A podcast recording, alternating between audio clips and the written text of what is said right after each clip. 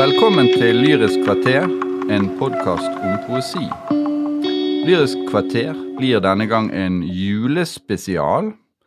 Vi skal snakke litt om noen av våre mest kjente julesanger fra kristen tradisjon.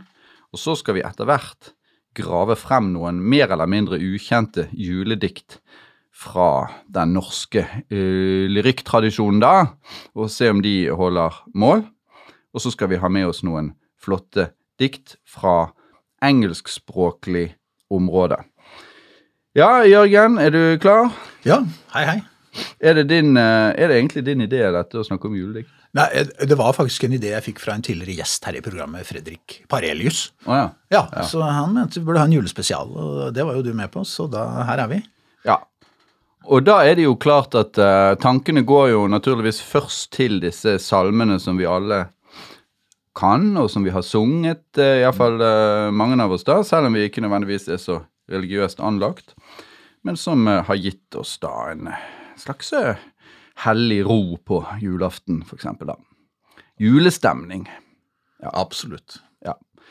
Og, og, og, og så kan man jo si at den aller første, den aller første julesangen som noensinne er blitt fremført, det er jo englenes sang på marken. Englene sang for hyrdene i Lukasevangeliet. Det, det er glad for at du trekker det fram. Men, men det er klart, det kommer jo til å komme litt tilbake til, for det er jo noe som disse, disse forskjellige julesalmene selvfølgelig peker tilbake på. Mm. Ja, og den er jo til og med utstyrt med en tekst som vi skal se nærmere på. Altså, de har rett og slett sunget en sang med tekst, disse englene. Eh, og, og den er da tematisert i utallige varianter i ulike julesalmesammenhenger opp igjennom. Men vi kan ikke her ta på oss og gi et slags sånn riss av salmesangtradisjon eller sånn. Vi går ned ganske fort i konkrete julesanger, da. Eh, og aller først så skal vi snakke litt om den sangen som, eh, som vi pleier å kalle Gale, Glade jul. Glade jul, ja. Ja. ja. Eh, Bernhard Severin Ingemanns eh, tekst, da. Glade jul fra, fra 1850, som jo da er en ja, det, det varierer faktisk litt. Eh, Noen sier at det er en oversettelse da, av eh, den tyske, Stille Nacht, mens andre har merket seg at det er ganske stor eh, avstand mellom Ingeberg og, nei, mellom Ingemann og, og, og han Josef Mohr. Mohr, ja, den tyske, tyske presten. Så uh, hans opprinnelige tekst det skal vi komme litt tilbake til. Men det er klart, Glade jul det er jo, det er jo en tekst som, som definerer, eh, definerer julen for veldig mange, veldig mange nordmenn. Både, ikke bare nordmenn, både katolikker og protestanter. Og eh, til og med eh, pave Frans har visstnok sagt at det er hans favoritt. Ja, Men det er da, da snakker vi om Moors Stille natt. Ja, naturligvis. Ja, naturligvis. Men, eh, men den, er, den er da ikke preget av striden mellom, mellom protestantiske og katolske kirker, sånn, slik som en del luthersalmer jo da åpenbart er. Eh, så eh, nå er det jo eh, Kanskje si litt om denne legenden. Det var jo en sånn legende rundt uh, Glade jul.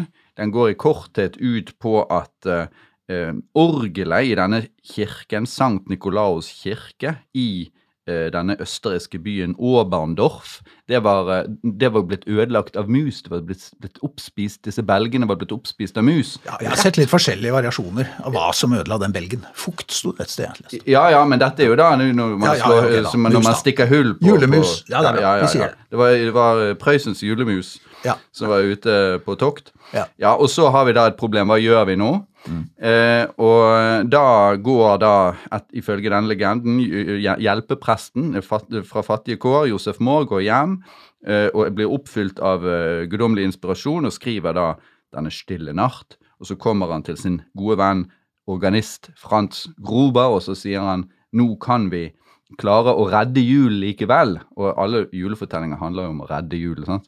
Og her redder de julen ved å fremføre denne fantastiske, inspirerte, helt nyskrevne julesangen for en fullsatt kirke, med et kor av noen barn og så eh, noen søstre, da. Ja, og akkompagnert av gitar. ja, Gitar, så det, og det er jo noe, noe da med denne, det, det lavmælte i melodien og i hele denne sangen, og at det er nettopp stille natt. ja. Så dette med taushet og det lavmælte og lyd og dette stille gitarakkompagnementet i denne kirken, istedenfor dette brautenorgelet. Ja.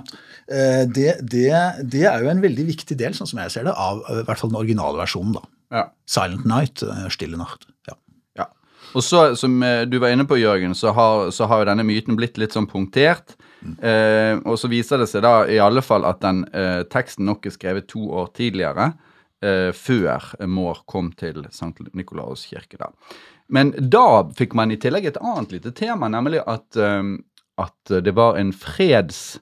eh, det var et ønske om fred, og det ser vi jo også i Deilig av jorden senere, som var på bakgrunn nettopp da av de eh, napoleonskrigene som hadde vart og vart og vart og ført med seg enorme Ikke bare enorm død for soldater og sånn, men også enorm fattigdom rundt omkring i Europa.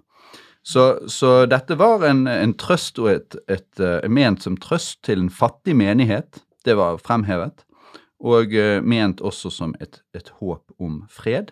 Men så spredde da sangen seg, ikke minst gjennom kongelige hoff. Da tsaren av Russland og dronning Victoria i England og, og, og, og frem til USA. Men da sang de først på, på tysk faktisk en stund. Frem til 1859, da John Freeman Young kom med sin Silent Night, Holy Night. Mm. Ja, og det er jo det at uh, det fredsmotivet som du griper fatt i der, det, det, det ligger jo allerede da i, denne, i, denne, i Lukas evangeliet, da, i juleevangeliet. Som, Ja. at englene synger for hyrdene. At det skal være fred. Fred over jorden. Ja. julens fredsbudskap da, som er der helt, helt fra begynnelsen. Ja. Og så, men så er det altså dette som vi nå bare skal se litt grann på. Vi kan ikke gå sånn langt inn i dette, men uh, det er jo Ingemanns eh, veldig pussige tekst. Og jeg tror nok at de fleste nordmenn som har sunget Glade jul, de har sunget den uten å tenke over noe særlig hva de ordene betyr. Ja, eh, det er jeg helt enig. i. Det er, det er jo, det er jo et, et, et glade et salig rør, for å si det sånn. Eh, glade jul. Eh, og for det første, Vi har jo vært inne på det eh, allerede. Hvorfor ikke holde seg til stille natt, da? Silent night. Men eh, både dette med julen, altså julen som julefeiring og hæla i taket og sånn, det er jo ikke til stede overhodet i, i Silent night. Og, og også dette glade går jo en helt annen retning enn originalen, men også enn melodien. Så, så, så um, Glade jul, hellige jul, det er, det er, en, det er, altså det er Ingemanns, egen, Ingemanns egen tekst, men, men hva som har drevet han til akkurat å skrive den eh, på den måten fordi at det er jo også veldig mange uklarheter når vi går nedover denne. Også neste linje, neste linje det ser jeg i den norske salmeboken, er jo den utstyrt med en, med en forklaring, en fotnote. Altså dette 'engler daler ned i skjul'. Eh, som riktignok ikke er det Ingemann skrev opprinnelig. Han skrev 'engle flagre bak sky i skjul'. Det er jo enda verre. Ja, kanskje med det at de daler ned i skjul. Jeg vet ikke hva som er verst. Men de flakser som måker. De, de flakser oppe bak skyene, eller de kommer dalende ned som, som slags snøfnugg, da, eller hva. Altså, men det er da i det skjulte. Det, er, det har ikke noe med eh, Så det er det som blir opplyst i, i salmeboka nå, da. Det betyr at de daler ned i det skjulte. Men også dette at de er så veldig skjulte. altså de, med de skjulte englene er også noe som ikke er noe tydelig motiv, egentlig. I, i originalen, Eller i og heller ikke i, i juleevangeliet. ikke sant? Det, det er Nei. ikke som spøkelser disse englene Nei. går rundt. De, de, de kommer og, og synger og viser seg for, for hyrdene. Og også den tredje linjen, hit, hit, eh, hit, men det er nå en ting, men så hit, de flyver med paradis grønt. Mm. Hva er det? Nei, det, Paradis grønt? Nei, altså, Det er veldig uklart. Frode, kan du forklare? Nei, altså, det som jeg tenkte først når det gjaldt Glade jul, det var at det påvirket litt av Grundtvig. For det Grundtvig begynte å skrive sånne positive julesalmer. Ja, ja, ja. Etter en lang pietistisk tradisjon med mye mørke. Og mye, uh, mye at du skal liksom gi, gi slipp på alt mulig av glede. Her får du glade jul. Mm. Det er egentlig Grundtvig sin poeng. Vi skal ha en glad jul, da, og, vi, og vi overfører også gradvis hele hele motivet bort fra Betlehem og inn i det norske vinterlandskapet. Det skjer også. Du får et norsk vinterlandskap Mm. i julesanger. Og så får du en norsk julefeiring, så du får egentlig også i julesangene en bevegelse fra ut av kirken og inn i stuen. Og da tenker jeg kanskje at juletreet muligens spiller litt inn her i dette paradis grønt, og det er litt sånn flagring og det er flyving og sånn. Og, og vi går rundt treet der og sånn. Jeg, jeg har iallfall Det er visse assosiasjoner i det. Mm.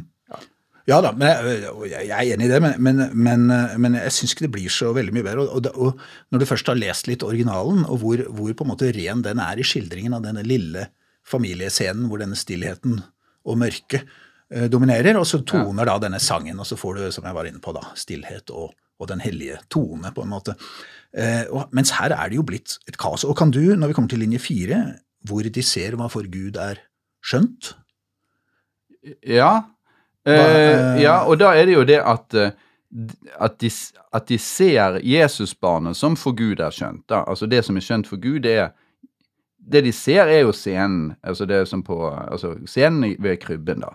Som for Gud selvsagt er meget skjønt, får vi tro. Ja, altså det er enig. De ser det som er skjønt for Gud. Ja. Ja. Men om vi nå befinner oss i krybben, det er jo ikke Nei, det er ikke klart. det er ikke klart i det hele tatt. Du har jo nettopp plassert oss Ja. i en sånn borgerlig julestue med et juletre. Ja, Ja. nettopp. Så, Og så, og så når vi da får Lønli iblant oss i går, så tenker jeg litt på julegangen rundt ju- juletreet. sant? Men det er jo nesten litt skummelt, fordi at det, det fantes en sånn serie, amerikansk serie fra 70-tallet med sånn engel som var, så ut som en mann, og så gikk han rundt og gjorde gode gjerninger og sånn. Men det der med å ha engler som går rundt oss lønnlig, det syns jeg er noe særlig nei, og, det, og det minner jo om For Ingemann, eh, Ingemann er jo ikke noen, han er jo ikke noen teolog. Nei. Eh, Han var jo en, Han er ikke prest engang. Han var ikke prest. eh, Han var en romantisk forfatter som jo skrev noe ganske Han skrev mye om gjenferd, spøkelser, Ja. opptatt av det gotiske. Ja. Eh, og dette diktet hans som, som også blir vist i 'Nattevandrerinnen', Ja.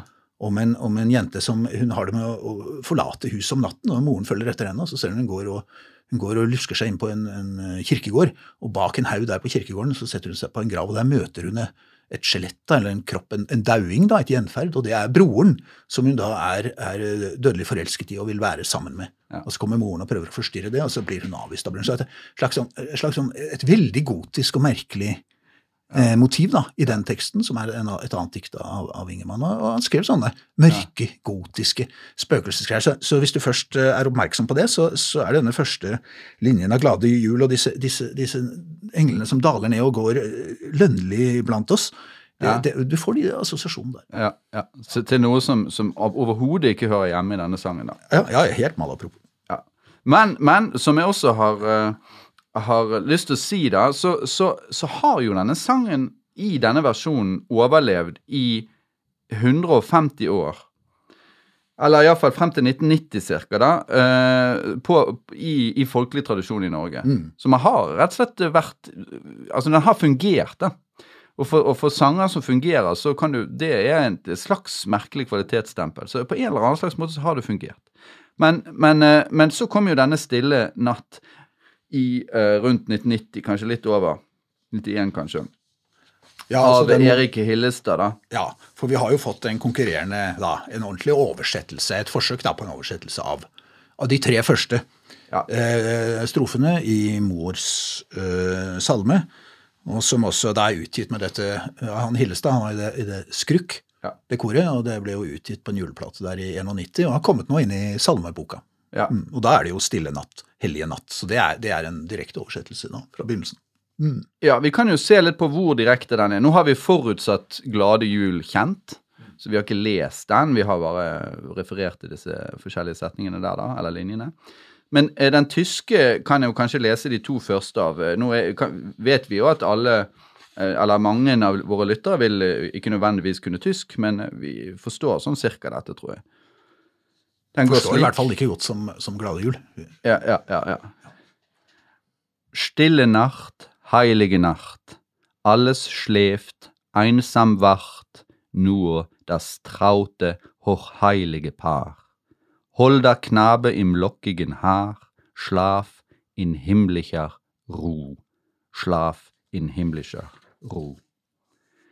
Stille Nacht, heilige Nacht, Hirten erst kundgemacht, durch der Engel Halleluja, tönt es laut von fern und nah, Christ, der Retter ist da. Christ, der Retter ist da. Ja, jeg stopper der. Den går da i, i fire strofer til videre. Eh, og hvis vi da går videre på direkten Du kan jo lese det, så vi får litt variasjon. Hvis du leser uh, Hillestads to første, da. Ja. Stille natt, hellige natt, alt har søvn og mørke tatt. Trofast våker de hellige to, varsomt vugger de barnet til ro. Jorden tar himmelen i favn, jorden tar himmelen i favn. Stille natt, hellige natt, barnet er vår største skatt. Hyrder vekkes av gåtefull klang, natten fylles av englenes sang. Kristus, vår frelser, er født. Kristus, vår frelser, er født. Ja. Og der, der kommer det jo inn noen, noen Det som jeg nærmest vil kalle for noen fremmedelementer, og litt på grunn av rimtvang, eh, eller vil si dårlige Dårlige løsninger med, med henblikk på at du trenger eh, disse parrimene nedover, da. Ja, ikke sant. Du må, du må finne, Hvis du skal ha tre strofer, så må du finne tre rimord til natt. Eh, ja. Ikke sant? Til andre, hver av andre linjene. Ja, og det blir da skatt og forlatt her, da. Men, men det som er problemet i andre linje, det er jo at der står det 'alt har søvn og mørke tatt', og det er på tysk da 'alles sleft einsam vart'. Det er jo for, en setning som fortsetter, da. Men, men alles slevt essensiell her. Alles slevt. Det er Ja, ja. ro overalt. Alle sover. Bortsett fra de to Absolutt. foreldrene som Veldig står i viktig. Ja. Ja. Mens her, her er det jo alt. Det, han begynner jo samme linjer med alt, men her er jo alt noe helt annet. Det, det har tatt. Altså, alt har søvn og mørke tatt. Altså, alt er da objekt for søvn og mørke som har tatt alt. Er det noe? Ja, Ja. ja. Søvn og mørke har tatt alt. Vi er frarøvet alt her Ja, nå. så de har en veldig negativ, de får en slags veldig negativ eh, Ja, det, så den andre linjen der, den, er, den kan ikke vi si er vellykket. Nei. Nei, det får bare, det får bare slå fast med en gang. Eh, Men eh, faktisk, når du kommer ned til fjerde, altså tredje linje er greit, trofast våker de hellige to, det er vel Det er greit. Det er, Det er veldig riktig, men Ja. fjerde da, varsomt vugger de barnet til ro, det syns jeg faktisk er en ganske god løsning på det som er et problem, da, nemlig holder knabe im lockigen har. Det der med krøllete hår og sånn, det, det er ikke så Altså, det var en greie på 1800-tallet. eh, En slags estetisk eh, greie med det lockigen har Ja. som vi ikke er så opptatt av i dag. Nei. Så, så der, det ville være, det synes jeg er litt, Der syns jeg faktisk han har eh, truffet eh, helt greit. Selv om akkurat det der med vugge, vugge og vugge eh, sant? Det blir litt sånn eh, barnevuggeopplegg i krybben der, men, men likevel, jeg syns ikke den er så dum. Nei. Det var vellykket. Men, ja, men, ja, men, derfor, men- for hvis du hadde da fort, Hvis du hadde fortsatt der, sant, sov i, uh, i eh, himmelsk uh, ro, da, på ja, tysk. Hvorfor skriver han ikke bare noe så uh, litt enkelt der? Hvorfor må han skrive 'jorden tar himmelen i favn'? Det syns jeg også er det klart, Jo, men da passer det ikke med varsomt vugger det barnet til ro, antagelig. da. Jo de, jo, de kunne jo sagt til barnet, hvis dette er tale til barnet, sov nå, min, mitt barn, i himmlisk ro. Hvis det er det de heter på tysk. Ja, Det kan ja. jo hende. Ja, ja, ikke Så- sant? Ja. Så, sov nå i himmelske ro. Ja. nå, det kunne vært Ja. et eller annet. Men det er. Men uh, det er ikke vår jobb å, å lage en ny oversettelse, men i hvert fall det, det å personifisere her at, at jorden tar himmelen i favn, som en slags erotisk møte. Altså, det, ja, vi kjenner det jo fra naturlyrikken og sånne ting. Jeg syns Ja. ikke det passer inn i, inn i, i stemningen uh, her i det hele tatt, egentlig. Nei, det, men du får, du får det som er e- essensielt i juleevangeliet. Det er på en måte møtet mellom himmel og jorden. Ja da, det er det. Det er jo det. Er det. Så det er enig. Så sånn sett, eh, det, blir ikke, det er ikke feil, men Nei. Ja da. Nei, så, så, men det er klart, vet du hva, jeg så på, så på nett et intervju med han eh, Hillestad. Han, eh, der, der sa han jo at dette hadde han måttet gjøre ganske fort. Ja. Ja, fordi at de skulle ha, lage den platen, eller? Ja, de skulle lage den platen og skulle spille inn i studio og sånt, så, så, så til å være gjort i hurten og sturten, så så er jo dette så er det fint. Og det er jo litt spennende, da. Nå har vi jo to, to liksom, kan vi si, litt sånn lyrisk sett, da, halv, halv, halvveis vellykkede versjoner av en helt fantastisk eh, og, og universelt kjent eh, grunntekst. da. Så, Men det kom jo flere da, rundt 1990. Det kom jo minst tre til. Blant annet eh, av, av. Han er Pollestad. Uh, jeg noterte et eller annet sted, hvor, men jeg finner ikke det nå i farten. Men, men der fins uh, fins Det fins flere. Og nå har vi jo ikke vært inne på det i nynorsk engang. For det, der, der kom det jo ganske tidlig igjen, som var Stille natt. eh. Ja, og den utkonkurrerte altså ikke, ikke Ingemanns versjon. Nei da, så, så den har Glade jul den har, den, har, den har blitt stående som en slags sånn, eh, en sånn total eh, feillesning, eller, eh, eller hva man skal si. En, ja, jeg vet ikke. Ja.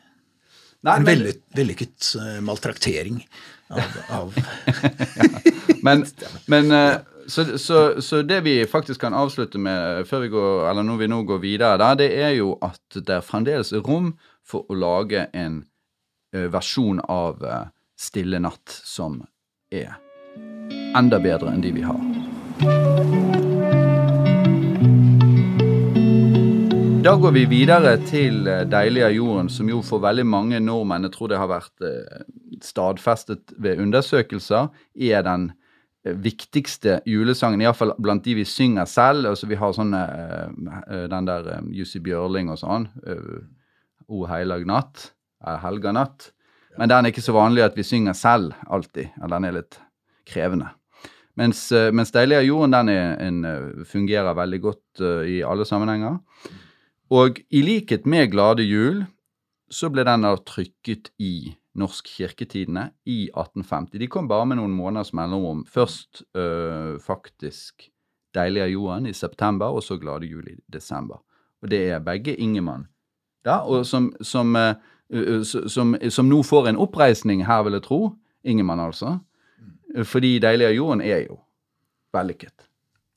Ja, jeg, jeg syns det er, det er eh, veldig, en veldig flott, veldig flott tekst. Ja. Ehm, og det er, se- selv om eh, Jeg har jo av og til eh, hørt den innvendingen at, eh, at eh, jorden er ikke deilig. Det, det, er, det er mye på jorden som ikke er deilig. Ja. Ja. Så, så at Så det er en løgn.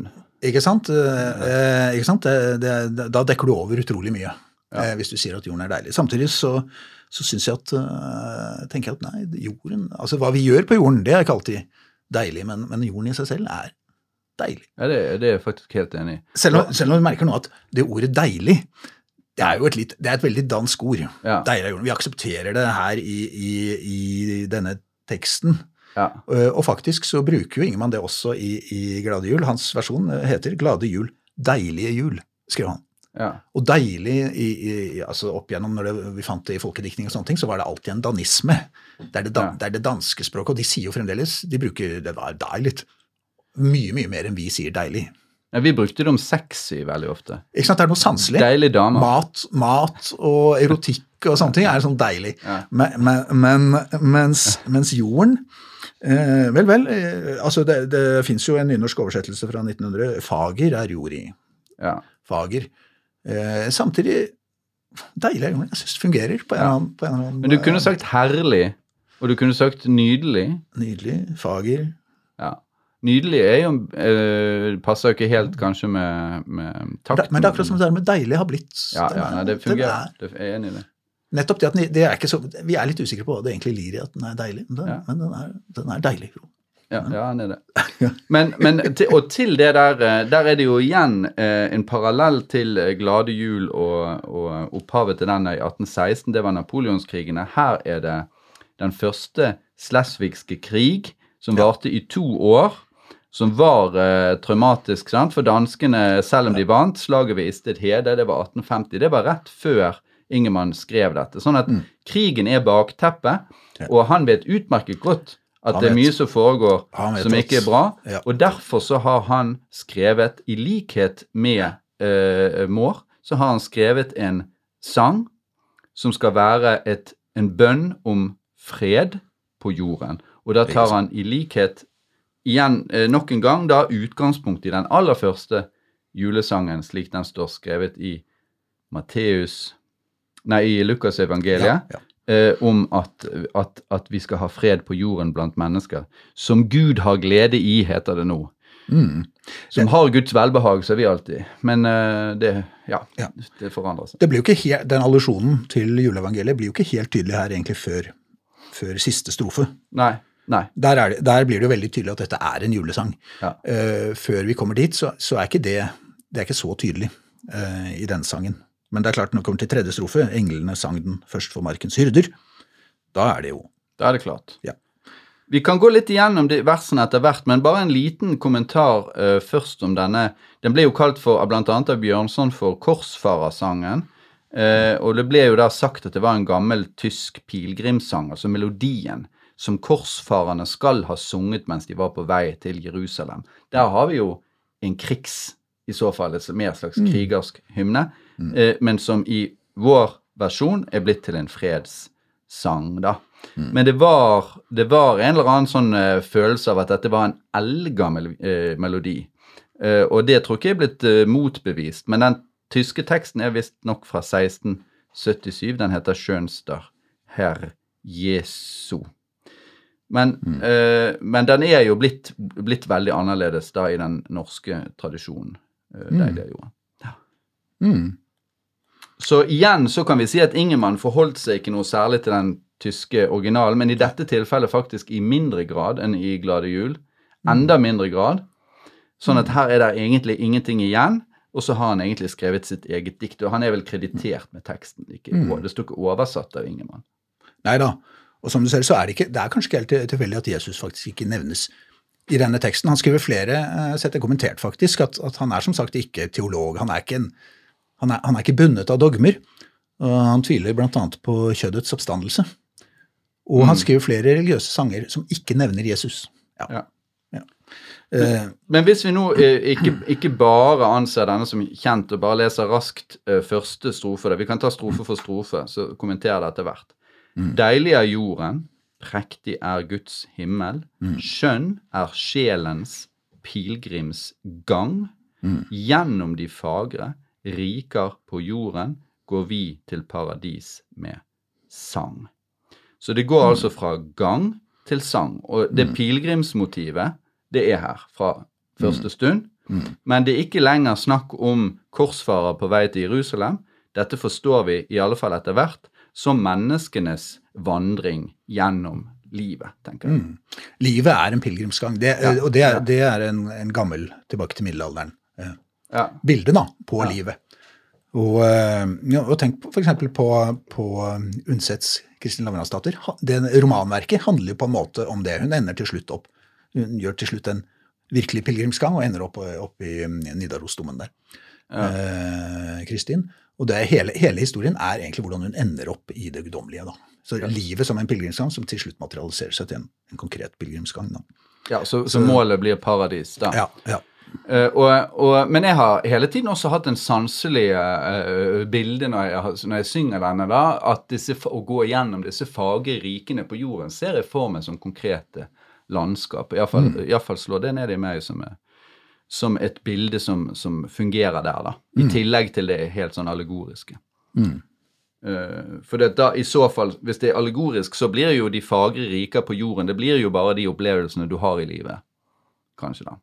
Det blir ikke liksom å gå igjennom Nå går vi gjennom norske daler, så går vi gjennom tyske skoger, Nei, er- og så kommer vi det er ned i. Ja, ja, men, ja, men, men det ligger der Du også. vet, sånn, eh, Pil Pilgrim's Progress av John Bunyan er også sånn allegorisk ja, fortelling mer uh, gjennom et moralsk landskap, men som, som også er selvfølgelig basert på, på erfaringen av å vandre. Vandre, gå. Det, det opprinnelige er jo å gå. Ja.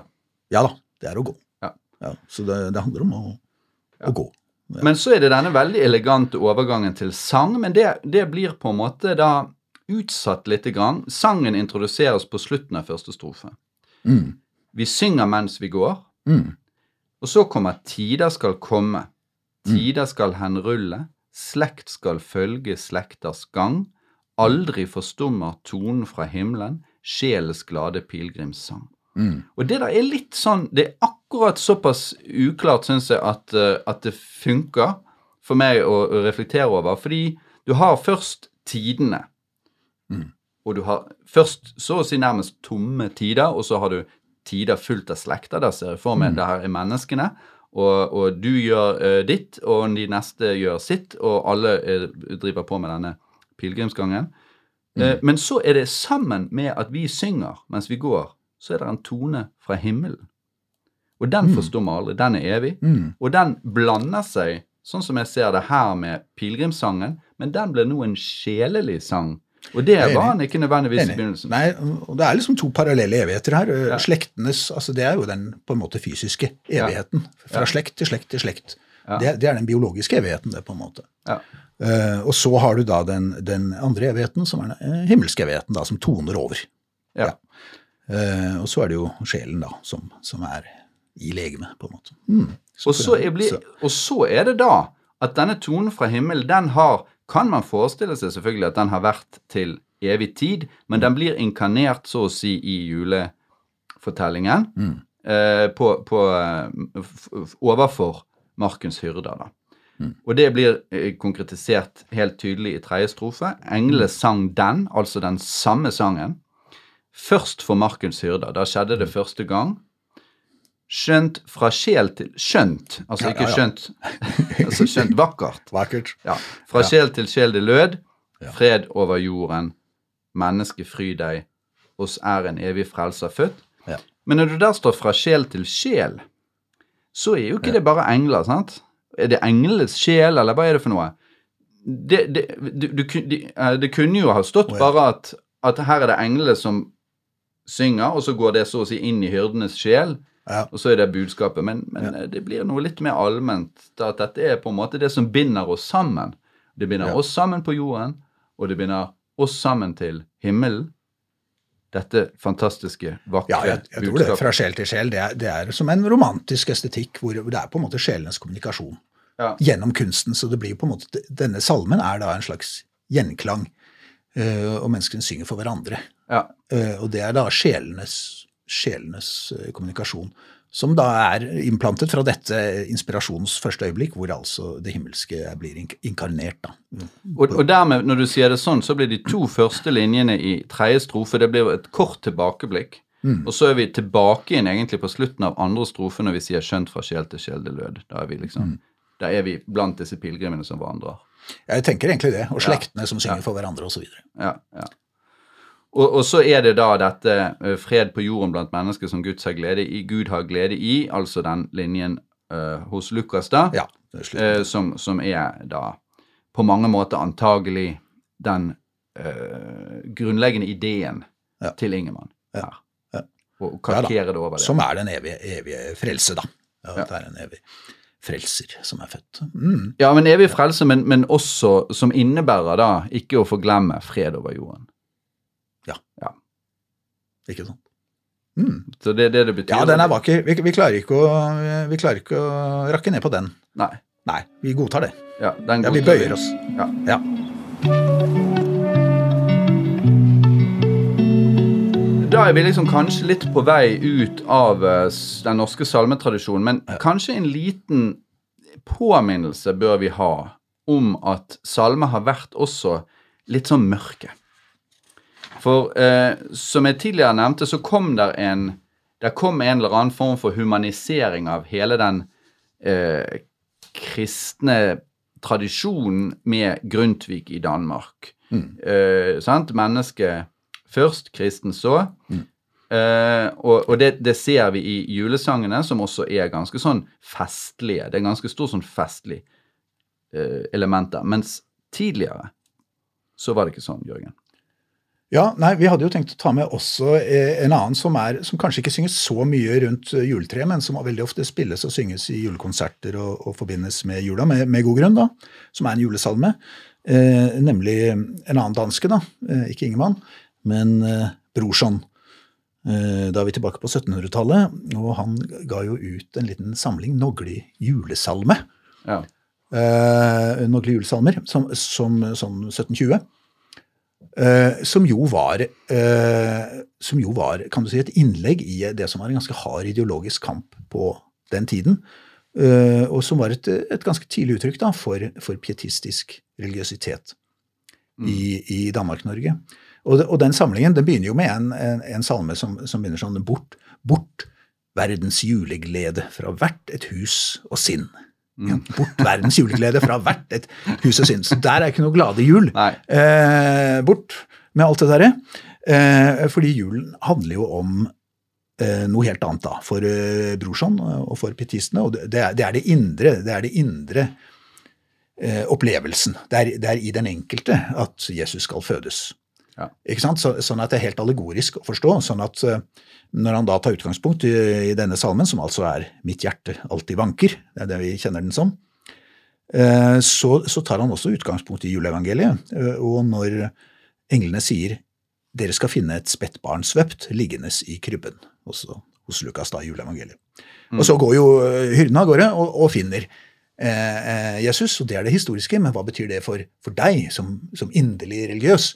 Du, du må som hyrdene gå og finne Jesus, men da må du søke inn i deg selv. Altså du må, Ja, ja. Du må meditere, rett og slett, på en måte. Ja. Og så, og så er denne sangen eh, sånn, som, sånn som en god del, da, pietistisk og, og, og religiøs lyrikk, den er på en måte en, en manifestasjon av den meditasjonen. Den er meditasjonen. Ja. Ja. Sånn at i første, første strofe da, så er det jo Mitt hjerte alltid vanker i Jesu føderom. Dit samles mine tanker i deres hovedsum. Der er min lengsel hjemme, der har min tro sin skatt. Jeg kan deg aldri glemme, du søte julenatt. Ja. Ja, så, så det, er dette, eh, det er dette alltid Mitt hjerte alltid vanker. Altså mitt hjerte vandrer alltid tilbake til krybben, da. Jesu, Jesu føderom. ja. Og det, og det, sånn, at, sånn at dette er, jo, dette er jo, kan du si, pietistens insistering på den inderliggjorte religiøsitet. Og det var jo et stort problem på 1700-tallet. hvor de, hvor liksom, eh, Noe som irriterte folk med pietistene da, var at de, de gikk rundt i en sånn vedvarende helliggjørelse. Altså Ja, de var i en ja. slags vedvarende kontakt med det hellige. ja. Eh, forutsatte de selv. Og, Ja. og det irriterte andre, andre f.eks. sånn som Ludvig Kolberg, da, som ledde samtidig med Brorson, og som så teatret ble stengt, og, og pietistene ta over med Christian 6. osv. Uh, så- de syns at dette, dette, var for innbilsk da, av pietistene. Mens ja. prø- forsøker jo her å forklare hva det, er, hva det består i. Men det er klart at når du i strofe to så går du ned eh, Altså, du mørke stall skal være mitt hjertes frydeslott, der kan jeg daglig lære å glemme verdens spott. Der kan jeg best besinne hvori min ros består, når, når Jesu krybbes minne meg rett til hjertet går. Og det er klart, da, da får du igjen Du kan si det, disse, disse altså, eh, Utfordringen med helliggjørelsen, eh, når det er altså Der kan jeg daglig lære, altså du får disse det er, hver dag, er det hver dag man går og blir helliggjort? Er det hver dag han på en måte er i erindringen om dette? At Jesus blir født i ham da?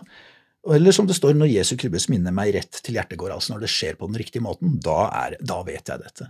Mm. Så du ser, han, han baler litt med det som er kan du si, mystikerens dilemma, og i og for seg også pietistens dilemma på den tiden. Hva betyr det å være helliggjort, og, og hva betyr det på en måte å gå i en vedvarende innsikt, en vedvarende religiøs opplevelse? Ja. Ja, så, er mye, så, så, så den prøver på en måte å forklare og iscenesette akkurat det. Og så blir jo den teksten eh, Det er jo ingen som noen gang le, nå synger hele den teksten, for det er en ganske lang tekst. Den har jo elleve strofer, er det det? Og den har jo da Dere kan si en veldig barokk oppbygning, for den får da mange strofer som er en slags variert gjentagelse. Eksempler på andre ting som, som ikke glemmes, men Jesus blir glemt, osv. Så, videre. så Ja. den bygger opp kan du si, et, et, et sånn, en argumentasjon og en slags estetisk refleksjon. Og så på slutten, så, så i strofe ti, da, så kommer jo det 'Akk, kom, jeg vil opplukke mitt hjerte, sjel og sinn', ut, utroper han da. Ja. Det, det lyrisk. Så da er, du liksom, da er du kommet til det punktet at 'akk', utropstegn, kom, nå er han klar for at det skal skje. Nemlig at Jesus skal på en måte gjenfødes i ham. da. Sant? ja, så blir det Også, sånt, uh, det blir et sånt, sånt bryllup. Men jeg tror Ja. vi må videre, altså. Vi, Men vi må jo, ikke før vi bare har nevnt eh, slutten, da, selvfølgelig, denne, eh, som ender da i den, det erotiske bildet. Eh, Kom, la min sjel erlange sin rette kvegestund, og kysse tusen gange din søde rosenmunn. Som er altså da det, det erotiske bildet, kan du si, som pietisten var så glad i, men som ettertiden har funnet litt for, litt for uh, krevende da, å tolke allegorisk. Det blir for konkret. sånn. Ja. Så den, den er jo omtolket da i moderne varianter.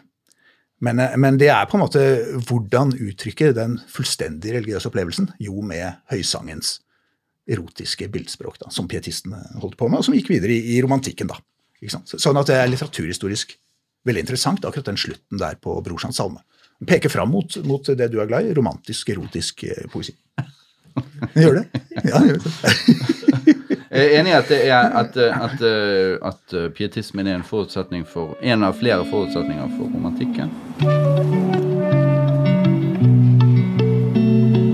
Her syns jeg faktisk det er et veldig godt uh, et overgang til det neste diktet vi hadde tenkt å ta, nemlig The Magi, som er jo en slags sånn postromantisk uh, uh, dikter, da.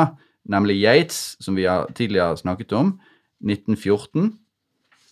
Eh, fordi at i mitt hjerte alltid vanker, så er det Jesu føderom er på en måte et slags sted som tanken eller hjertets inderlighet kretser om. Og det kan du si er på mange måter et poeng også hos Yates. Men Yates skriver jo i en form for romantisk modus som er inni modernismens mer kaotiske, kriseridde verden. Eh, men som fremdeles er sterkt visjonært eh, motiverte. Så jeg kan jo lese det først. Det er altså 1914. The Magi. Og The Magi det betyr da de, eh, det som vi kaller for de tre vise menn. Det er, står I Bibelen står det noen vismenn. Så det er ikke sikkert at det er tre, men de hadde tre gaver. Det, det stemmer. Ja.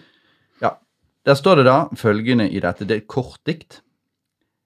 Now, as at all times, I can see in the mind's eye, in their stiff painted clothes, the pale, unsatisfied ones appear and disappear in the blue depths of the sky, with all their ancient faces like rain beaten stones, and all their helms of silver hovering side by side, and all their eyes still fixed, hoping to find once more, being by Calvary's turbulence unsatisfied, the uncontrollable mystery on the bestial floor. Hmm. Så det vi ser til slutt der, The Bestial Floor, det er jo da i sta stallen hvor, hvor, em, hvor julemysteriet har funnet sted. Hmm. Og det vi kan det vi kan eh, bare sånn rent sånn motivisk uh, gjøre klart, er at disse eh, vismennene, da, de går over himmel. Eh, de, de går stive, men de er først og fremst utilfredsstilte. De er unsatisfied ones. De, de er de er De har sett Jesus på korset. Ja, Det det er, det er- Caval Calvary's turbulence. Ja, Calvary er Golgata, sant? Ja, ja. Og, og de har sett det som skjedde da. Og turbulence er jo Jesus som dør, Mm. og, og, og, der senere eh, reiser gjennom dødsriket.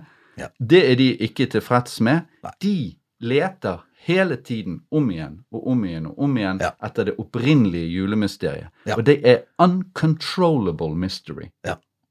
Det, Ja. det syns jeg er fantastisk. Jeg syns det her er Ja. et fantastisk stykke. Så det er, det er altså Nå begynner det jo, det nå er det jo Now as at all times I can see in the mind's eye. Det er et Ja. veldig tydelig jeg som, som har denne visjonen, Ja. som ser in the mind's eye. Hva ser han? Jo, han ser eh, disse vismennene, da. Eh. Fremdeles også står det 'They're stiff painted clothes'. Da tenker jeg på Vi hadde jo sånn julekrybbe hjemme. Eh, hvor, du, hvor, du alltid, vi hadde, hvor noen av, av figurene var disse tre vise menn, da. Som var sånn i sånne pyntede klær og, og med sånne malte kroner, da, for de er jo av og til de hellige tre konger da, fra middelalderen og framover av og til. Så, så at, at det blander seg den typen minner, Ja. og de er fremstilt slik, med det at han, at han ser disse som figurer, rett og slett, i, i himmelen, ja. Og en, en slags hærskare av, av eh, utilfredsstilte, misfornøyde. Eh, og hva gjør du med altså their ancient faces, their helms of silver? Er det, er det at det er gjennom historien, eller er det dette, at dette er det gamle? Er det helms og silver? Er det de gråhårede gamle menn som vandrer her, misfornøyd opp igjennom? Eller, eller, er det, eller er det Ja, hva er det? Ancient faces. Uh, ja, altså jeg tenker jo at det er de opprinnelige vismennene som, som på en måte har gjennom tidevervene alltid fortsatt sin vandring i riktignok poetens syn, da. Men blir ikke dette en, er det ikke en eh, samfunnskritisk algori, hvor han ser de misfornøyde menneskene? Jo, det, det gjør han jo. Og kanskje til og med de eldre menneskene? De misfornøyde menneskene Ikke. leser i samme, sammenheng med modernismen, og det samme gjør jeg med The Uncontrollable Mystery Ja.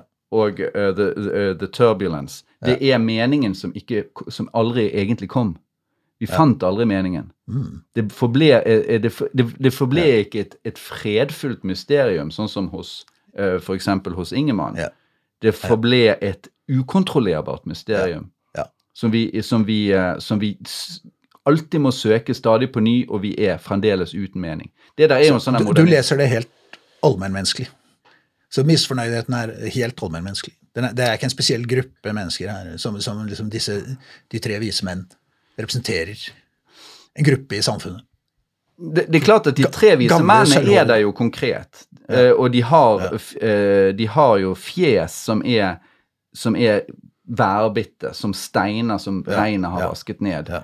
Men de er et bilde på en, en u- en, en eh, tilfredsstilt lengsel i mennesket, som er Ja. typisk modernistisk. Du vet, du vet Georg Lukács sin frase for modernismen, det var transcendentale Oberdarslåsigkeit.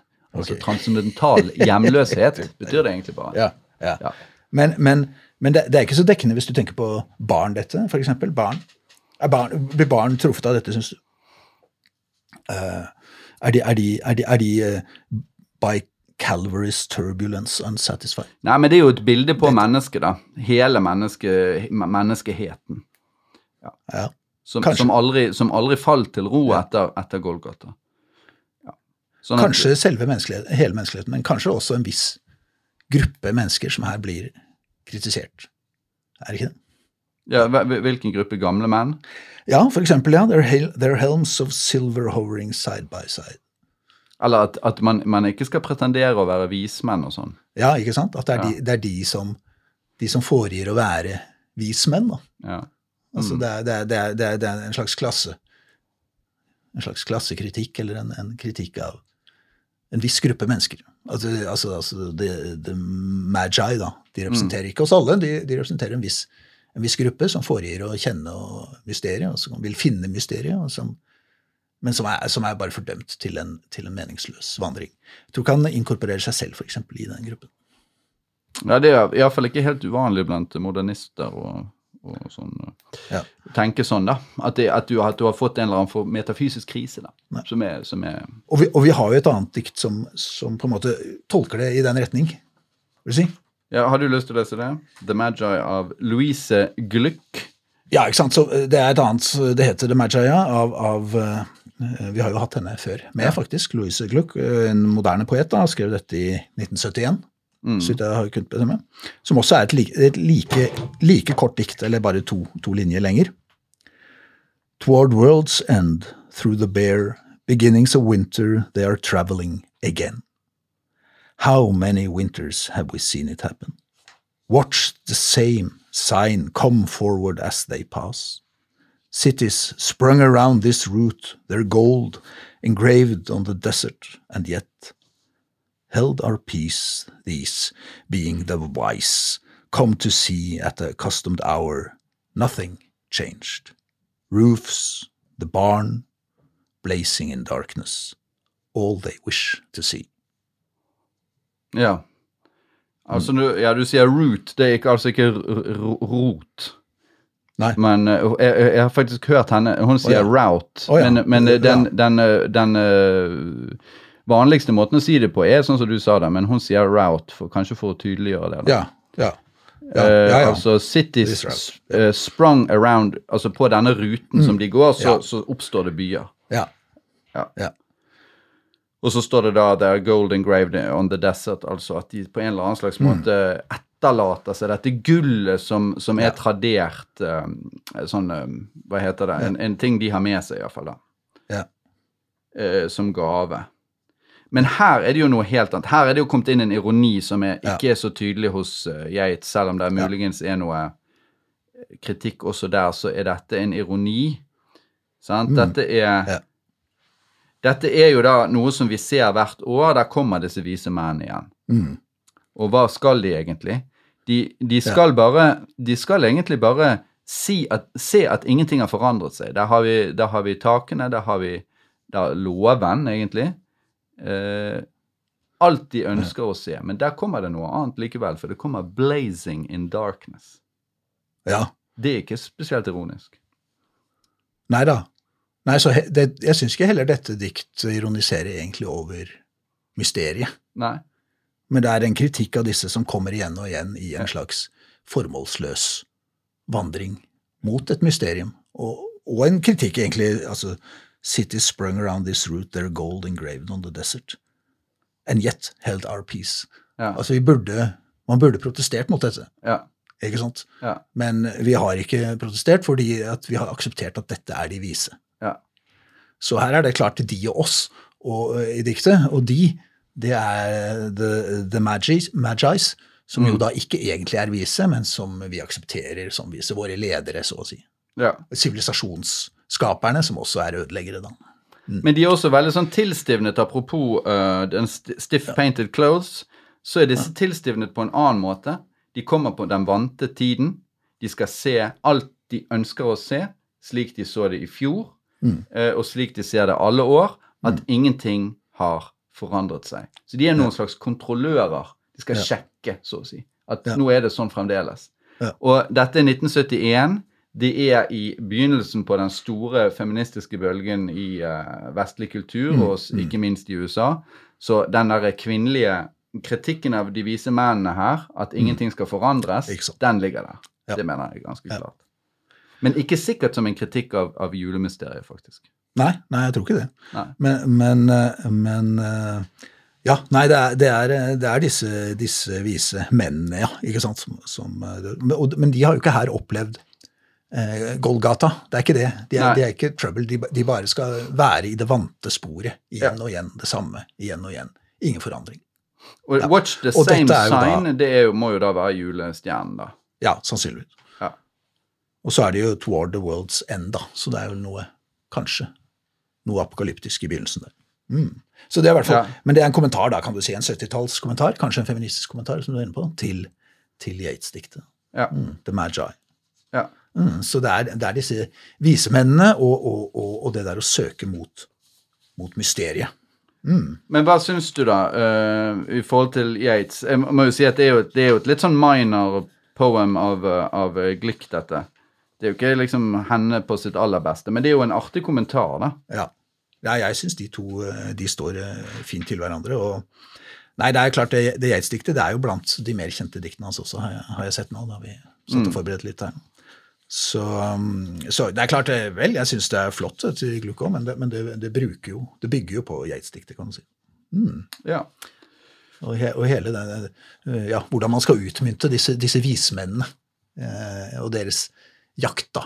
Hvordan de tyder og tilsynelatende vise, eller virkelig vise, hvordan de tyder tegn, og hvordan de søker mysteriet som de forstår eller ikke forstår, osv. Ja. Som, eh, som en ganske sånn fruktbar kilde da, for poesien. Mm. De er jo eh, ehm, eh, de, Ja, de, de spiller jo en De spiller jo en litt annen Kanskje en litt annen rolle i Bibelen enn man kanskje husker. Jeg skal ikke vi nå over til han uh, Berge- Gill. Ikke sant? Berg, den Yates-inspirerte bergenser. Ja. Claes Det var din idé. Eh, Claes Gill er ikke en poet jeg har noe forhold til, men Det kan du få, Frode. Det kan ja. du få. du har til og med tatt med to Claes Gill-dikt av denne. Hvorfor ikke? Han skrev jo veldig få dikt, men to av de er, er, er juledikt, kan du si. Så hvorfor ikke? Hvorfor ikke? Han, han skrev jo bare to diktsamlinger. Ja. Ja. ja. En kresen poet, med andre ord. En veldig, veldig kresen eh, poet. Eh, Så i Fløgstad har jo skrevet en, en biografi om han der det snakker om at hans livsverk er på 50 luftige sider. Ja. Så det, men, men han skrev nok mye mer, men han var selvkritisk. Selvkritisk poet. Ja, Vi får se om Så- det er noe som tyder på det. Han var jo en veldig spesiell type. Han levde jo fra 1910 til 73. Og før krigen var han jo en vagabond og en sjømann, og han reiste rundt og hadde et sånn omflakkende liv, da. Eh, bortsett fra akkurat fra oppveksten. Han var født i Odda, og så vokste han opp i, i Bergen, da.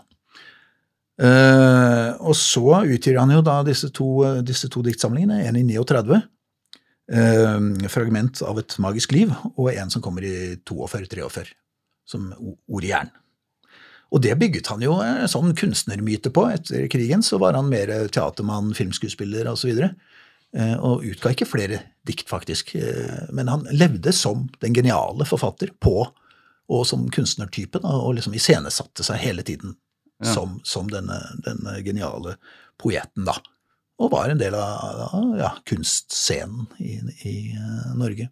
Ja, og det første Og hadde, har jo hatt en veldig høy stjerne i noen miljøer lenge, men, men nå er det jo fare for at, eh, for at han går i glemmeboka, kanskje. Ja, Det er det vi skal teste nå, da. Om det, om det, om det er mulig å, å, å overbevise folk om, om hans eh, geni eh, på bakgrunn av disse julediktene. da. Og Ja, Det første ja, er altså et barn Ja. ser juletreet. Ja, Det kan du lese. ja. Det er da fra, fra fragment av et magisk liv. Et barn ser juletreet. Gran og glitter, hjerter kunstferdig flettet av blankt papir, de selsomme kloder i rødt og sølv uvirkelig skjøre i sinn, rettet mot hard facts, stiger et fjernt rop for ødt. Er et liv i flukt fra mirakler og spill med illusjonistisk stoff, ja, livets gang, lik drypp fra et nedbrent lyset stivnet til, har herdet oss vel, venner. Men i din sang, du lille, har ordet og tonen en glans av tro og treets flitter og billige pryd, speiler seg edelt og dyrt i ditt øye, byd opp, du små til festens mysteriøse dans. ja, ja, det er ikke noe å le av, Frode. Nei da. Nei da. Ja, ja eh, altså det, det, første Jeg skulle ha en liten sånn der eh, historisk kommentar. og Det er ja. det som eh, handler om juletreet litt, grann, som du kan se her. Mm, ja. Juletreet var jo et kontroversielt julesymbol. Mm. Eh, på mange måter. Det var opprinnelig tysk, som eh, vi sikkert vet de fleste av oss. Men det var et protestantisk symbol. Mm. Katolikkene de gjorde narr av uh, dette protestantiske treet. Det lignet litt på dansen rundt gullkalven, mens, uh, mens katolikkene holdt seg til krybben uh, som, som julesymbol, så begynte da protestantene med dette treet. Og Det var liksom det eviggrønne livsens tre, symbol på Kristus, stjernen i toppen og en korsformet fot. Mm. Men det var alltid noe litt tvilsomt med det pga. alt dette glitter og alle disse tingene som hang på det. sant? Mm. Uh, og, og, eh, ja, og da er det spørsmål Det er antagelig den tradisjonen, altså den juletrekritiske tradisjonen Gill griper fatt i begynnelsen her. Alt dette flittere og litt sånn billig krimskram som henger på juletreet. da. Altså, Det er jo helt klart den, en, en, du kan si den Brorson-linja, altså kritikken av den overflatiske Eh, oppstasede julefeiring ja. i, i, julestua full av billig pynt og papir ja. og glans og disse julekuler og ja, alt dette. Alt det der, eh, det, det, er jo en voldsom kritikk av det. Eh, men samtidig så, så er, det jo, er, det jo, også litt av dette dette mm, mysteriet til stede. For jeg føler at altså, budskapet i diktet er jo at tross alt Uh, altså når vi, vi er, harne, vi, er, vi er, jo hardnet, da. Vi er, vi er, jo som nedbrente lys stivnet til, så vi ser, klarer ikke å se forbi alt dette julestæsjet og irritere oss over det. Så vi kan ikke se mysteriet gjennom en julekurv eller en, en julekule. Men det kan barnet. Barnet eh, er så naivt, så gjennomskuer ikke den billige julepynten. Så vi kan bare se på barnet som ser. Ja, og det er der, i barnets øye, det er der vi kan se mysteriet. Ja, ja, ja, men Jeg er helt enig i det, men jeg bare mente at han tok utgangspunkt i den holdningen som han da gjennom dette diktet Ja, men jeg vet ikke om det er akkurat juletreet Jeg tror ikke det er en katolsk kritikk. Det, begynner, nei, ikke en katolsk kritikk, men det var, den kritikken av treet var, var, var, fantes i mange miljøer. Den kom jo, Juletreet kom første gang i Norge i 1824. Det var en tysk dame. Veldig lenge så ble det ansett for noe borgerlig tull. Eh, bare rike som holdt på med. Og så tok det liksom langsomt eh, grep, det, grep, det, om seg. Og i rundt på 1920-tallet først var det blitt allment. Altså ikke veldig langt fra hvor Gill skrev dette. Har du juletre i studio? Ikke enda, men jeg skal ha det. Ja. Du skal ha det. Ja, ja. Sånn at eh, det der med alt den der flitterstasen og sånn, at det å klare å se det som kristne symboler Mm. Altså f.eks. disse hjerteformede kurvene. Det var ja. et symbol på Kristus, Kristi kjærlighet. sant? Mm. Mens det, det glitteret som henger ned fra stjernen, det var liksom stråle ut fra Jesu kjærlighet og sånn. Ja. Eh, og så hadde man jo norske flagg i tillegg. Ja, det, det er jo litt omstridt. Har du ja. norsk flagg på juletreet? Eh, nei, vi har, jo, vi har, absolutt hatt det, men ja. jeg, har vel ikke det nå. Nei, jeg tror ikke vi heller har det. Men, men sant? poenget er at det begynner jo med gran og glitter, så at juletreet er, er, det første motivet i dette diktet. Ja. Det kan ikke være tvil om. Nei da. Og jeg tenker, det er, jo, det er jo veldig mange grandikt i det hele tatt i norsk litteratur. som er, ja. Det føyer seg inn i snø og granskog av Vinje osv. Hele, ja. hele gran, granen som motiv. Så jeg, jeg, har ikke tenkt at, at, den ble utsatt for noe spesiell eh, kritikk her, men du har jo noe sånn gran og glitter. Det er klart. Eh, ok, jeg er med på det. Ja, og så det, står det, det det, blir en del med- av det, den blir en del av alt dette. Alt Treets flitter og billige pryd, står det Ja. da. sant? Ja, ja, Ja. ja. ja da. Senere. Ja da, nei, Men, men, men barnet skjønner at det er egentlig mysteriet her, og, og, og og vi er herdet, og vi ser det ikke. Men du kan si den innsikten er på en måte litt, litt foregrepet også av det lyriske jeget her, da, som sier f.eks. for eksempel når det står her i andre linje de selsomme kloder i rødt og sølv. Selsomme kloder. Det er akkurat som han der ser Han får en slags modernistisk stemning av å se på uh, de røde julekulene. Mm. Og assosierer det med, med selsomme kloder. Det er en obstfeldersk Ja, assosiasjon absolutt. så, så, som jeg får. Så han, han også ser noe. Det går litt rundt for han. Det går, det går nok litt rundt for ham. Så, så han får noe ut av jule, julepynten også før han ser barnets før han ser barnets blikk, så har vi jo der modernistens blikk da, på, på julekulen. Ser Ja, og, så kommer, og så kommer da disse, Uvirkelig skjøre, det er veldig barokt. Altså, verden, kloden er uvirkelig skjør, Frode. Det er det moderne klimabudskap her hos Gill. Han stråler ut i alle retninger, eh, som et sant eh, poetisk geni. Men, vi, men, men det er da rettet mot hard facts. Hard facts. Men, og det, det, det er en liten terskel man må komme over med Gill. Eh, eh, Han har sjømanns, eh, sjømannens forhold til engelsk, lån. Eh, altså Fløgstad sier at han har autodidaktens forhold til språket, og det gjelder både når han bruker en del eh, fremmedord, og når han bruker Altså, altså han, han bruker litt ulike stilnivåer.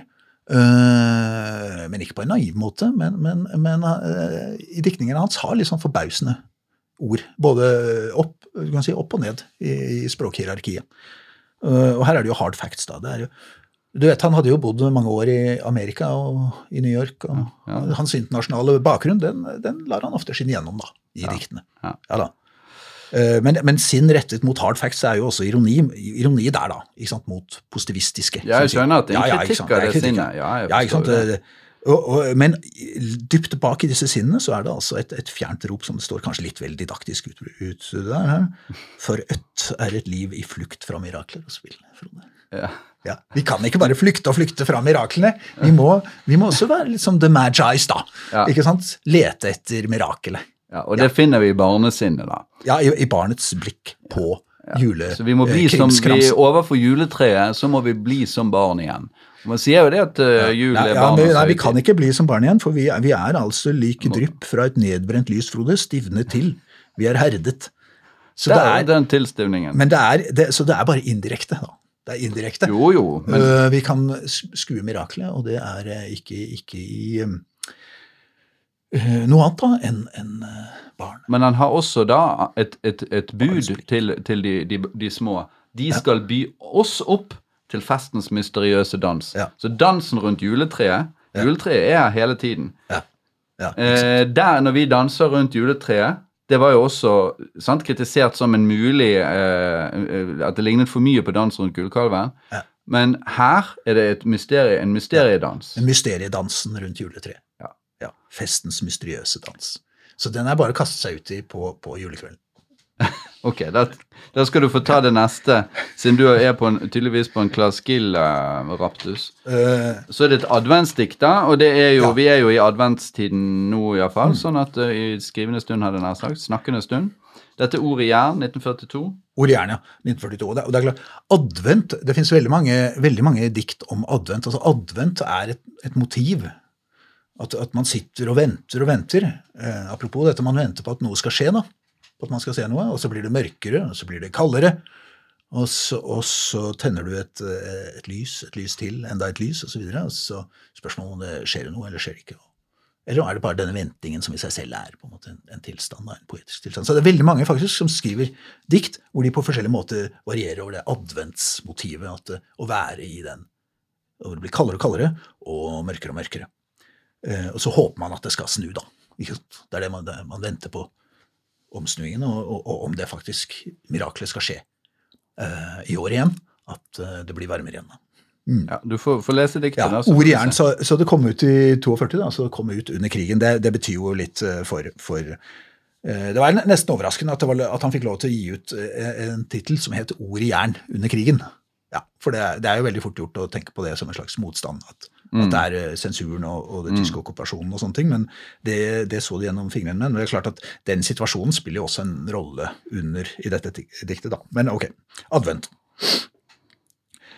Desemberskumringens lave himmel, lysets fall over mitt hus, en vrimmel av døende liv og alle veier sperret. Som flerrende risp av saks mot lerret fornemmes nervene splittet i to, døde rep, og hvor skal jeg finne ro? I dette avsindige markedsskrik, denne skjensel, vanskapte tankelik fremført i påvre triks for å slå mynt, og alt ved hjelp av kalk og lånt pynt og tråder samlet i en påpers hånd. Og dette kunne bys et folk av ånd. Ja, Frode, du kan ikke fnise når jeg leser Claes Gill. Eh, Det syns jeg. Det, det synes jeg faktisk er, det er å gå over streken. Frode. Flerrende risp av saks mot lerret fornærmes nervene splittet i to. Det er litt voldsomt. Det er Hva? litt overkill. Ja. Det, dette, er jo, dette er jo en følsom poetisk sjel, da. Men jeg tenker Eh, på men det, det der flerrende risp av saks mot lerret. Er ikke det når du lager julepynt og sånn? Jeg vet ikke. Eh, Lerret? Ja, kanskje. Og, og da syns jeg iallfall det der var Altså, Som familiefar så kan jeg jo i og for seg Men det kan jo være, du vet det er krigen. men fornærme nervene splittes i to eh, ved alt dette julestyret, men eh, det, det virker, det, For meg så virker det som litt sånne voldsomme kontraster, og, Ja. og jeg tror liksom ikke helt på det. Altså. Men du, du må være enig i at uh, førstelinjen er veldig flott. Desemberskumringens lave himmel. Ja, Det er, vel, er et veldig flott adventsmotiv, da. Desemberskumringens lave himmel. Den kan vi alle, den kan vi alle observere nå, uh, og tenke på Gill hver eneste ettermiddag. Desemberskumringens lave himmel. Lysets fall over mitt hus. Det er også flott. Lysets fall over mitt Dette er adventsstemningen. Det, det mørkner, det, det faller. En vrimmel av døende liv. Ja, syns ikke det er så dumt. Det er jo og, og, det er klart, du har jo krigen bak, men du har jo også, også, også hele følelsen av at verden blir kaldere og kaldere, mørkere, men verden dør ikke sant, inn mot øh, vintersolverv. da. Og alle veier sperret. Ja, det er klart, alle veier sperret. Eh, det er kanskje en, en, en krigsallusjon. Det er ganske tydelig allusjon til, til eh, reiseforbud og sånne ting under krigen. Eller bare til at man kommer ingen vei. altså Det er snø og, og sånt overalt. Eh, så så det, det, er, det er klaustrofobien der i adventstiden. Ja, men altså ja, ja, Eh, og så er det ok, som flere, ok, så kommer en, en Det er klart er et bilde der som flerrende risp av saks mot lerret fornærmes nervene splittet i to. Døde rep, hvor skal jeg finne ro? Hvor kommer de døde repene fra, egentlig? Ja, dørep. Eh, det er klart repene eh, er ikke døde, men det, det er jo en teknikk som jo mange lyrikere bruker, også, også Gill, at, at du, du tar jo adjektivet og så putter det på et annet substantiv. altså Det, det, er, det er jo hans egen død, det er jo det suicidale. Altså Det er repet, og så er det hans Repet er ikke i og for seg dødt, selv om du kan si ok, hvis nervetråden blir kuttet, så blir nervetråden død, men, men det er jo hans Ja, okay. suicidale eh, fornemmelse der. På grunn, av, mar for, på grunn av det avsindige markedsskriket, så han er egentlig da Han er egentlig imot uh, denne, denne verdsliggjøringen av Ja, eh, det er det samme. Det er det brorsonske igjen. Ja. Og, og dette er faktisk i Fløgde, jeg leste jo nå litt i Fløgstads eh, bok. og det, Dette er det første diktet vel som Fløgstad siterer, faktisk. Og, og, og han sitter det inn rent i en sånn ja, eh, kritikk- Ja, ja, kommersialismekritikk, kapitalismekritikk. da. Det avsindige markedsskriket som, som jula, jula er blitt. da, Et avsindig markedsskrik. Denne skjensel, vanskapte, tankelik, fremført i påvretriks for å slå mynt. Så, det, det, det her jeg mener det er veldig mye pålesning, da. Ja. At de, Det er ikke bare at det er tankelik, men de er i tillegg vanskapte, og de er ja. i tillegg fremført i, i, som billige triks for å slå mynt. Ja. Det blir mye på en gang. Det er mye på en gang, men, men, men man husker, Frode, dette er det ikke bare Det, er, det kan leses uh, allmenn, altså gjennom historien som, som kommersialismekritikk, men det er jo også en kritikk av, av tyske okkupasjonen, jo. Eh, Quislings regjering. Så, er, ja, Ja. så det er et vanskap tankelik. Ja, det, jeg tror nok det. Det, Ja. det, det spiller jo inn, da. Eh, situasjonen i 42. Det er, gans, det er ganske tydelig her, så den tror jeg vi må gi han, da. Ja, for Ja. kalk, kalken, det er jo Da går jo tankene til de kalkede graver. Eh, som, De kalkede graver, ta denne Ja. kalk ifra meg, som, som jo noen bibeloversettelser av, av Kristus, eller, eller hva som egentlig ligger i det med kalk, jeg har vært litt, litt usikker på. ja. Hva kalk eh, assosierer her. Jo, men kalk er jo det som dekker over. sant? Du, du tror at det er det, du, du, du kjenner ikke stanken av liket lenger, Ja, fordi ja, du har sånn. kalken der. Sant? ja, sant? Så du tror at det ja, det er- tenkte jeg på. Det, det kan være. Mm. Og så er det lånt, uh, lånt pynt. Det lånte fjær, pleier vi ofte å si. Mm. Men uh, det, det at pynten ikke er ekte, da, det er inautentisk. Det er ikke Men, men her tenker jeg det, det, gir minst, som sagt da minst like god, like god mening å tenke på eh, ja, NS, Quisling, tyskerne, okkupasjonsmakten, propagandaen de utsettes for. da. Men påfaren her, da? Hvem er ja. det sin? Hvem er det Nei, jeg tenker også det er eh, det, er det autoritære styresettet, Quisling, Hitler og sånt under, under krigen, at det fort er det det peker mot. da. Som samler trådene i, i sin hånd. Mm, er det ikke det? Og vi er et folk av ånd. Ja, ikke sant? Den, siste, ja, ikke sant? Dette skulle bys et folk av ånd. Eller er det tyskerne, rett og slett? Det Ja. var jo uh, Ja. Hva man sier, das Land der Dichter und Ja, Denker. ja, ja. Ja. ja, ja, ja. Nei, så, så det akkurat at, at nordmenn skulle være folk av ånd, er jo Det er jo tvilsom påstand. Det er Ja, det er, vi kan jobbe med det. Kan jobbe, kan, kunne være mer ånd Ja, her i gården. Mm. Ja, Mm. men, et, men eh, vi har jo en folketradisjon der som er, kan du si eh, Ja, jeg vet ikke. Ja, uh, Jørgen, jeg vet ikke helt hva jeg skal si, altså. Jeg, jeg, jeg syns nok at uh, diktet er fremstår som uh, det man i dag gjerne sier datert, sier man. Altså litt eh, gammeldags. Også fordi de blir så voldsomme, disse, disse det, det, er liksom, det, det mangler det der litt sånn avstemte og litt ja. Ja. Nei, jeg, jeg er litt i tankeboksen selv når det gjelder Gill, det må jeg innrømme. Og, og dette er kanskje ikke hans beste dikt, akkurat. Dette er jo, dette er jo hans juledikt, da. Ja. Uh, eh, men jeg syns egentlig det passet her også, fordi at han er, han er på en måte litt sånn symbolist og inspirert av Yates, faktisk. Altså andre ting, Han er eksplisitt inspirert av Yates i andre, Ja. i andre sammenhenger. Mm. Så det er et slags forsøk da, på å gjenskape litt av den estetikken, men det, det blir jo litt, blir litt mer eh, høylytt. Ja, eh, snubler seg kanskje litt mer av gårde, men, men eh, jeg tror nok en del av anerkjennelsen var han var veldig god til å lese sine egne dikt. Mm. Ja. Han var en litt sånn teatralsk type. Han var en veldig, veldig teatralsk type. Han var veldig mye personlighet Ja. som løftet teksten, og nå som personligheten er borte, så, så, så kanskje det blir det for stor jobb for oss tradisjonsbevarere faktisk å holde oppe. Vi får se. Men, Men, uh, men vi husker eh, desemberskumringens lave himmel. Det kan vi tenke det er, på Det er mange bra. når vi ser ut Når vi ser ut eh, vinduet på, Ja. i julen. Og også dette avsindige markedsskrik, det kan vi jo føle på når vi går på, på Det var litt voldsomt sagt, og så er det litt eh, velkjent. En kritikk, så du får på en måte ikke så mye nytt av det. Det er den lange Brorsan-linja som, som må holdes i hevd. Kritikken av julens kommersialisme utvendighet. da. Ja. ja, nei, men jeg tror kanskje at vi må ah, Tiden går eh, fort fra oss. Vi må uh, avslutte. Vi hadde en, et, sånn- et slags sånn eh, et dikt i reserve. Det får ikke vi tid til i dag, men jeg tenker kanskje vi kan ta det neste gang. Det var 'Stopping by Woods on a Snowy Evening' av Robert Frost. Det tror jeg vi bare lar utstå til neste gang, for det er det fremdeles vinter. Uh, og det fungerer også som et vinterdikt, ikke bare som et juledikt. Ikke sant? Det er, det er jo ikke Jeg er jo ok, da. Jeg hadde egentlig gledet meg til å komme dit, men det er klart det er, hvis det er juledikt, så er det et juledikt som ikke nevner julen. Ja. Ja.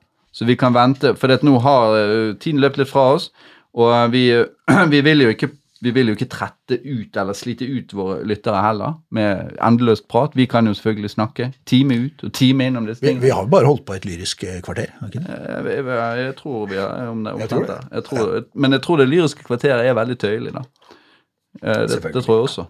Nei, men det er jo veldig kjekt å ha noe å glede seg til. Og jul handler jo om å glede seg til ting. Sånn at eh, det at du går nå gjennom hele juletiden og gleder deg til å snakke om 'Stopping by Woods' og Snowy Mm. Evening av Robert Frost, det synes jeg det kan være en ekstra motivasjon for rett og slett å komme seg gjennom denne for mange av oss litt harde tiden, med mye kjas og mas. Ja, og ikke sant? Og denne adventstiden. Alt blir jo fremdeles bare mørkere og kaldere. Mørkere og kaldere. Så hvem vet? Men vi får håpe at eh, det snur også i år. Det har jo gjort det så langt i min levetid. Da ønsker vi våre lyttere en eh, fredfull eh, juletid. Eh, Og husk på Brorson, husk på Claes Gill. Ikke la markedsskriket, det avsindige markedsskriket, ta fullstendig overhånd.